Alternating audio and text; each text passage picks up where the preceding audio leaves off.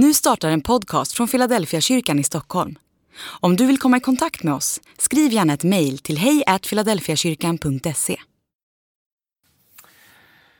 Hej och välkommen till Philadelphia Bibel. Det här är första kvällen på ett bra tag som vi bjuder in till bibelstudium. Vi kommer att köra på det här sättet under hela våren, ända fram till 25 maj. Så jag hoppas att du tittar på det här. Du kan titta live klockan 19 varje onsdag kväll. Så går det här. Du kan ju titta senare också. Men alla ni som är med och tittar live, här kommer förutsättningarna för er. Ni kan gå in i chatten Skriv gärna varifrån ni är med och tittar och där kan ni faktiskt ställa frågor samtidigt som det här bibelstudiet pågår. Skulle det vara så att frågan är lite väl komplicerad så kommer vi att återkomma under veckan som ligger framför med ett svar. Men inte mer än under den veckan. Sen kommer nästa kväll och nästa kväll. Om du inte har kunnat vara med live och skriva frågor så kommer du kunna titta på svaren. Så följ den här chatten från det här klippet så kommer du att kunna se när svaren kommer. Och vi kommer också publicera alla svar som vi skriver på vår hemsida under fliken frågor och svar. Så jag hoppas verkligen att du vill följa med oss under den här våren i Philadelphia Bibel. Är det så att du känner att ah, men det här är viktigt för mig, det här betyder något för mig, så är vi ju jättetacksamma om du vill stödja oss. Du ser i texten till det här klippet vad det är för swishnummer och eh, lite annan information som kan vara av vikt. Jag ska fortsätta på det jag talade om i söndags. Och den predikan kan du också hitta bland Philadelphias Youtube-klipp och Philadelphias kanal. Hur hör man Gud tala. Och jag visste redan i söndags när jag förberedde mig att jag kommer inte gå i land med allt det här på en gång. Men det kommer, resten kommer nu.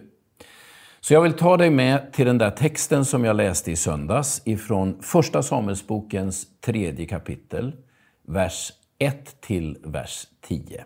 Vi läser. Den unge Samuel tjänade nu Herren under Elis uppsikt. På den tiden var det ovanligt att Herren talade till människor och profetsyner förekom sällan. Då hände en gång följande.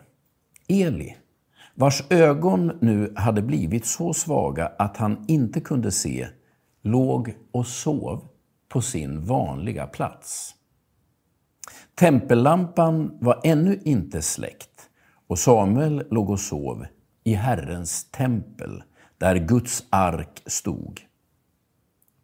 Då ropade Herren på Samuel. Här är jag, svarade han och sprang bort till Eli och sa, här är jag, du ropade på mig. Men Eli svarade, jag har inte ropat, gå och lägg dig igen. Då gjorde han det. Än en gång ropade Herren på honom. Han steg upp och gick bort till Eli. Här är jag, du ropade på mig. Men Eli svarade, nej min son, jag har inte ropat. Gå och lägg dig igen. Samuel hade ännu inte lärt känna Herren och ännu inte fått ta emot hans ord. För tredje gången ropade Herren på Samuel, som åter steg upp och gick bort till Eli. Här är jag, du ropade på mig. Nu förstod Eli att det var Herren som ropade på pojken. Och han sa till Samuel att lägga sig igen. Och om någon ropar på dig ska du säga, tala Herre, din tjänare hör. Och Samuel gick tillbaka och la sig. Då kom Herren och ställde sig där och ropade som förut. Samuel, Samuel. Och han svarade, Tala, din tjänare hör. Gud talar. Jag sa det i söndags, jag vill stryka under igen. Gud talar. Att vi inte hör eller uppfattar, det är en annan sak. Men hela Bibeln säger en och samma sak om och om igen. Gud talar. Han talar i sin skapelse, han talar genom Jesus och han talar till dig. De där två första med skapelsen och med Jesus, det är kanske det de flesta människor kan förstå. I naturen känner man att här finns någonting andligt. Man laddas av det, man hämtar kraft i det och man fylls av någonting. Jag tror att många svenskar har den upplevelsen. Man är inte så långt ifrån Guds rike. Hela Bibeln säger att Gud talar i sin skapelse. Och så talar han genom Jesus. Det är också alldeles uppenbart. Att läsa Nya Testamentet är inte bara att läsa historia. Det är att läsa Guds tilltal till dig. Det är tänkt så, det är menat så. Och det är när man börjar uppfatta evangeliernas berättelse och Jesu ord som ord till mig, det är då man börjar tänka, jag är kristen. Det är det det innebär att vara kristen. Att vara en, en efterföljare till Jesus Kristus. Men så talar också Gud personligt till var och en av oss. Och berättelsen om den här unge Samuel är en så fin berättelse för att kunna lära sig och identifiera. Hur talar Gud? Vad vill han? Hur ska jag liksom kunna ta emot det här? Den här berättelsen ger några väldigt viktiga ledtrådar. Och jag tar bara upp avslutningen av det jag sa i söndags. Jag vill upprepa det. När man läser om vad Gud vill ha sagt till Samuel, det är ju det man är nyfiken på. Vad är, vad är budskapet? Vad Gud vill du göra med den här unge Samuel? Så framkommer inte det i den här berättelsen. Det är egentligen bara två saker vi får veta att Gud säger. Samuel, Samuel. Gud upprepar pojkens namn två gånger. Och det är vid den fjärde kallelsen som vi får veta det, men förmodligen är det det Samuel har hört de tre tidigare gångerna. Det vill säga, det är som att Gud kallar på uppmärksamhet. När vi hör våra namn, även om det inte är oss de frågar efter, de kanske frågar efter någon annan, men en person som har vårt namn och så hör man sitt eget namn, då hajar man till. Det första jag vill att du ska ta med dig i det här bibelstudiet, det är att när Gud talar in i våra liv så börjar det alltid i form av en kallelse. En sorts påkallad uppmärksamhet. Gud talar och vi hajar till. Vi kanske inte vet var rösten kommer ifrån. Vem är det som vill någonting? Men vi väcks. Någonting i oss vaknar. Det jag bara vill skicka med dig som lyssnar är ju den här tanken. När du någon gång hajar till och tänker, ja, vad har hänt med den här kollegan? Kommer du att tänka på en annan person eller någon omständighet som plötsligt kommer för dig. Våga tänka tanken att det kanske är Gud som talar. Gud väcker dig. Man kanske inte vet det från början. Den unge Samuel är ju desorienterad. Vem, vem är det som kallar på mig? Vad, vad ska jag göra? Han gör ju flera försök som inte kommer helt rätt. Jag tror att det är så för de flesta av oss när vi började uppfatta Guds röst. Vi hörde inget budskap, vi visste inte vad det handlade om, men vi fick en sorts förhöjd vaksamhet. Det är någonting på gång. Det här mönstret finns så tydligt inbyggt i den här berättelsen, men det återkommer i många av Bibelns berättelser. När Gud knyter kontakt med någon som han vill använda. Mose, ett annat av de här kända exemplen i Bibeln. Du kan läsa i Andra Moseboks första kapitel. Mose är ute i öknen och vallar får. En äldre man Runt 80 är han. Han har nog tänkt att framtiden den ligger bakom mig. Så ser han en buske som brinner utan att brinna upp. Och han går dit för att se vad det är. Och när han kommer nära så kallar Gud på Mose. Och han kallar, precis som han gjorde på Samuel, Mose, Mose. Alltså Gud tilltalar oss vid namn. Det är en väldigt personligt adresserad kallelse. Och det Gud egentligen först bara vill, det är få vår uppmärksamhet. Så tänk den tanken.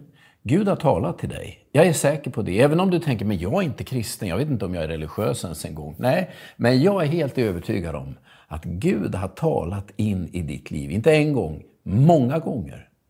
Och det är många människor som faktiskt har gått Guds ärende utan att kanske veta att man har gjort det. Därför att man har följt den där maningen, den där rösten, det där tilltalet som man inte riktigt vet varifrån det kom. Ibland talar vi om det som en intuition. Jag tänker nej, det är den helige Ande som viskar in i ditt hjärta. Det första steget, en sorts uppvaknande, en kallelse. Steg två i den här berättelsen skulle jag kalla för att urskilja. Två saker kan man säga om det. Det första är ju att, att Samuel tänker att det är Eli. Den där mannen jag har vuxit upp tillsammans med, han den gamle prästen, det är han som ropar på mig. Det vill säga, han förväxlar Guds röst med en mänsklig röst. Är det, vem är det som ropar på mig? Hans naturliga reaktion är att det är Eli som vill mig någonting. Så tre gånger går han in till den äldre prästen och säger, här är jag, du kallade på mig. Men Eli säger, nej, det var inte jag. Vad, vad kan man dra för slutsats av den här berättelsen? Jo, Guds tilltal påminner väldigt mycket om det mänskliga tilltalet. Om jag tittar in i mitt eget liv så skulle jag säga att jag har hört Gud tala. Men det har ofta varit genom en människa. Och när du hör Gud tala så kan det vara genom en annan människa eller folk omkring dig. Men ibland kan jag nog tänka att det också är din egen röst du hör. Är det bara jag själv som tänker det här? Var kom den där tanken ifrån? Det är jag som tänker tanken, men vem väckte den? Vem är det som vill få min uppmärksamhet? I det här urskiljandet så är den första insikten viktig att ha med sig. Guds röst är ingen helt annorlunda röst, någonting fullständigt främmande. Det är nog så många föreställer sig att det är. Man hör en röst man aldrig har hört. Det inträffar saker i rummet som aldrig har inträffat förr. Men det är inte så Gud talar. Det är någonting väldigt mänskligt, väldigt nära oss i Guds tilltal. Och inte så konstigt eftersom Bibeln säger att vi är skapade till Guds avbild. Det där betyder många saker, men en av de sakerna man kan tänka när man läser om att vi är Guds avbild, det är ju att vi är vajrade så att vi kan höra Guds röst. Det ligger så naturligt när man är människa att faktiskt kunna bli tilltalad av Gud. Och när man ska urskilja vad Guds röst är för något så ska du bara veta att en ganska naturlig tanke är, nej men det här var någon annan som sa till mig. Det där hörde jag i, i, i kyrkan eller det där sa en god vän till mig. Men när man låter tanken ligga kvar och man prövar det här några gånger till så inser man inbyggt i den där mänskliga rösten så fanns Guds eget tilltal. I den där tanken som jag trodde kom från mig själv eller något som vaknade i mitt undermedvetna, så visade det sig att det var Gud som talade. Första insikten när man ska urskilja är att Guds röst, den låter ganska mycket som vår egen eller som en annan mänsklig röst. Och ibland är de synonyma, men det är fortfarande Gud som talar. Får jag läsa för dig ifrån Filipperbrevet kapitel 2, vers 12 till 13. Det är Paulus som skriver, säger till församlingen i Filippi. Därför mina kära, ni som alltid har varit lydiga, arbeta med fruktan och bävan på er frälsning. Inte bara så som när jag var hos er, utan ännu mer nu, när jag är långt borta. Ty, det är Gud som verkar i er, så att ni både i vilja och gärning förverkligar hans syften. Det där bibelordet återvänder jag ofta till när människor brottas med Guds vilja. Vad vill Gud? Hur ska jag veta? Det Paulus säger i vers 13 är att det är Gud som verkar i er så att ni både i vilja och gärning förverkligar hans syfte. Om man bara läser vers 13 så tänker man, men det här låter enkelt. Allt jag vill och allt jag gör, det vill Gud och det gör Gud. Nej, du ska nog ta med den där vers 12, versen innan. Då säger han, därför mina kära, arbeta med fruktan och bävan på er frälsning. Inte bara som när jag var hos er, utan ännu mer nu, när jag är långt borta. Och de här bägge verserna, som är ihopskrivna med mening av Paulus, de säger ju nästan varandras motsats. Det första låter ju som att man knappt kan vara säker på att man är frälst. Arbeta med fruktan och bävan på din frälsning. Och i nästa andetag, du kan lita på att det är Gud som förverkligar sina syften i din vilja och i dina gärningar. De här två polerna ska man hålla ihop. Å ena sidan respekten för Guds verk, en sorts önskan att vara lyhörd och ödmjuk. Jag, vill, jag, arbetar på min frälsning. Jag kanske inte skulle uttrycka det så, men jag vill verkligen lyssna på dig Gud. Jag vill följa dig. Låt mig inte komma fel. Den inställningen, den gifter sig alltid med det andra, nämligen det är Gud som fullföljer sina syften i din vilja och i dina handlingar. Så när folk brottas med frågan, vad vill Gud med mig? Vad ska jag göra? Då är det rimligt att fråga, vad vill du själv? Hur tänker du om Gud? Ja, men jag, vill, jag vill lyssna. Jag skulle vilja följa, men jag är bara osäker. När jag hör människor säga det, då tänker jag alltid att nu kan jag ställa frågan, vad vill du själv? För när du böjer dig i respekt för Gud, söker hans vilja, tänker låt ditt rike komma i mitt liv genom mig. Jag vill vara lyhörd.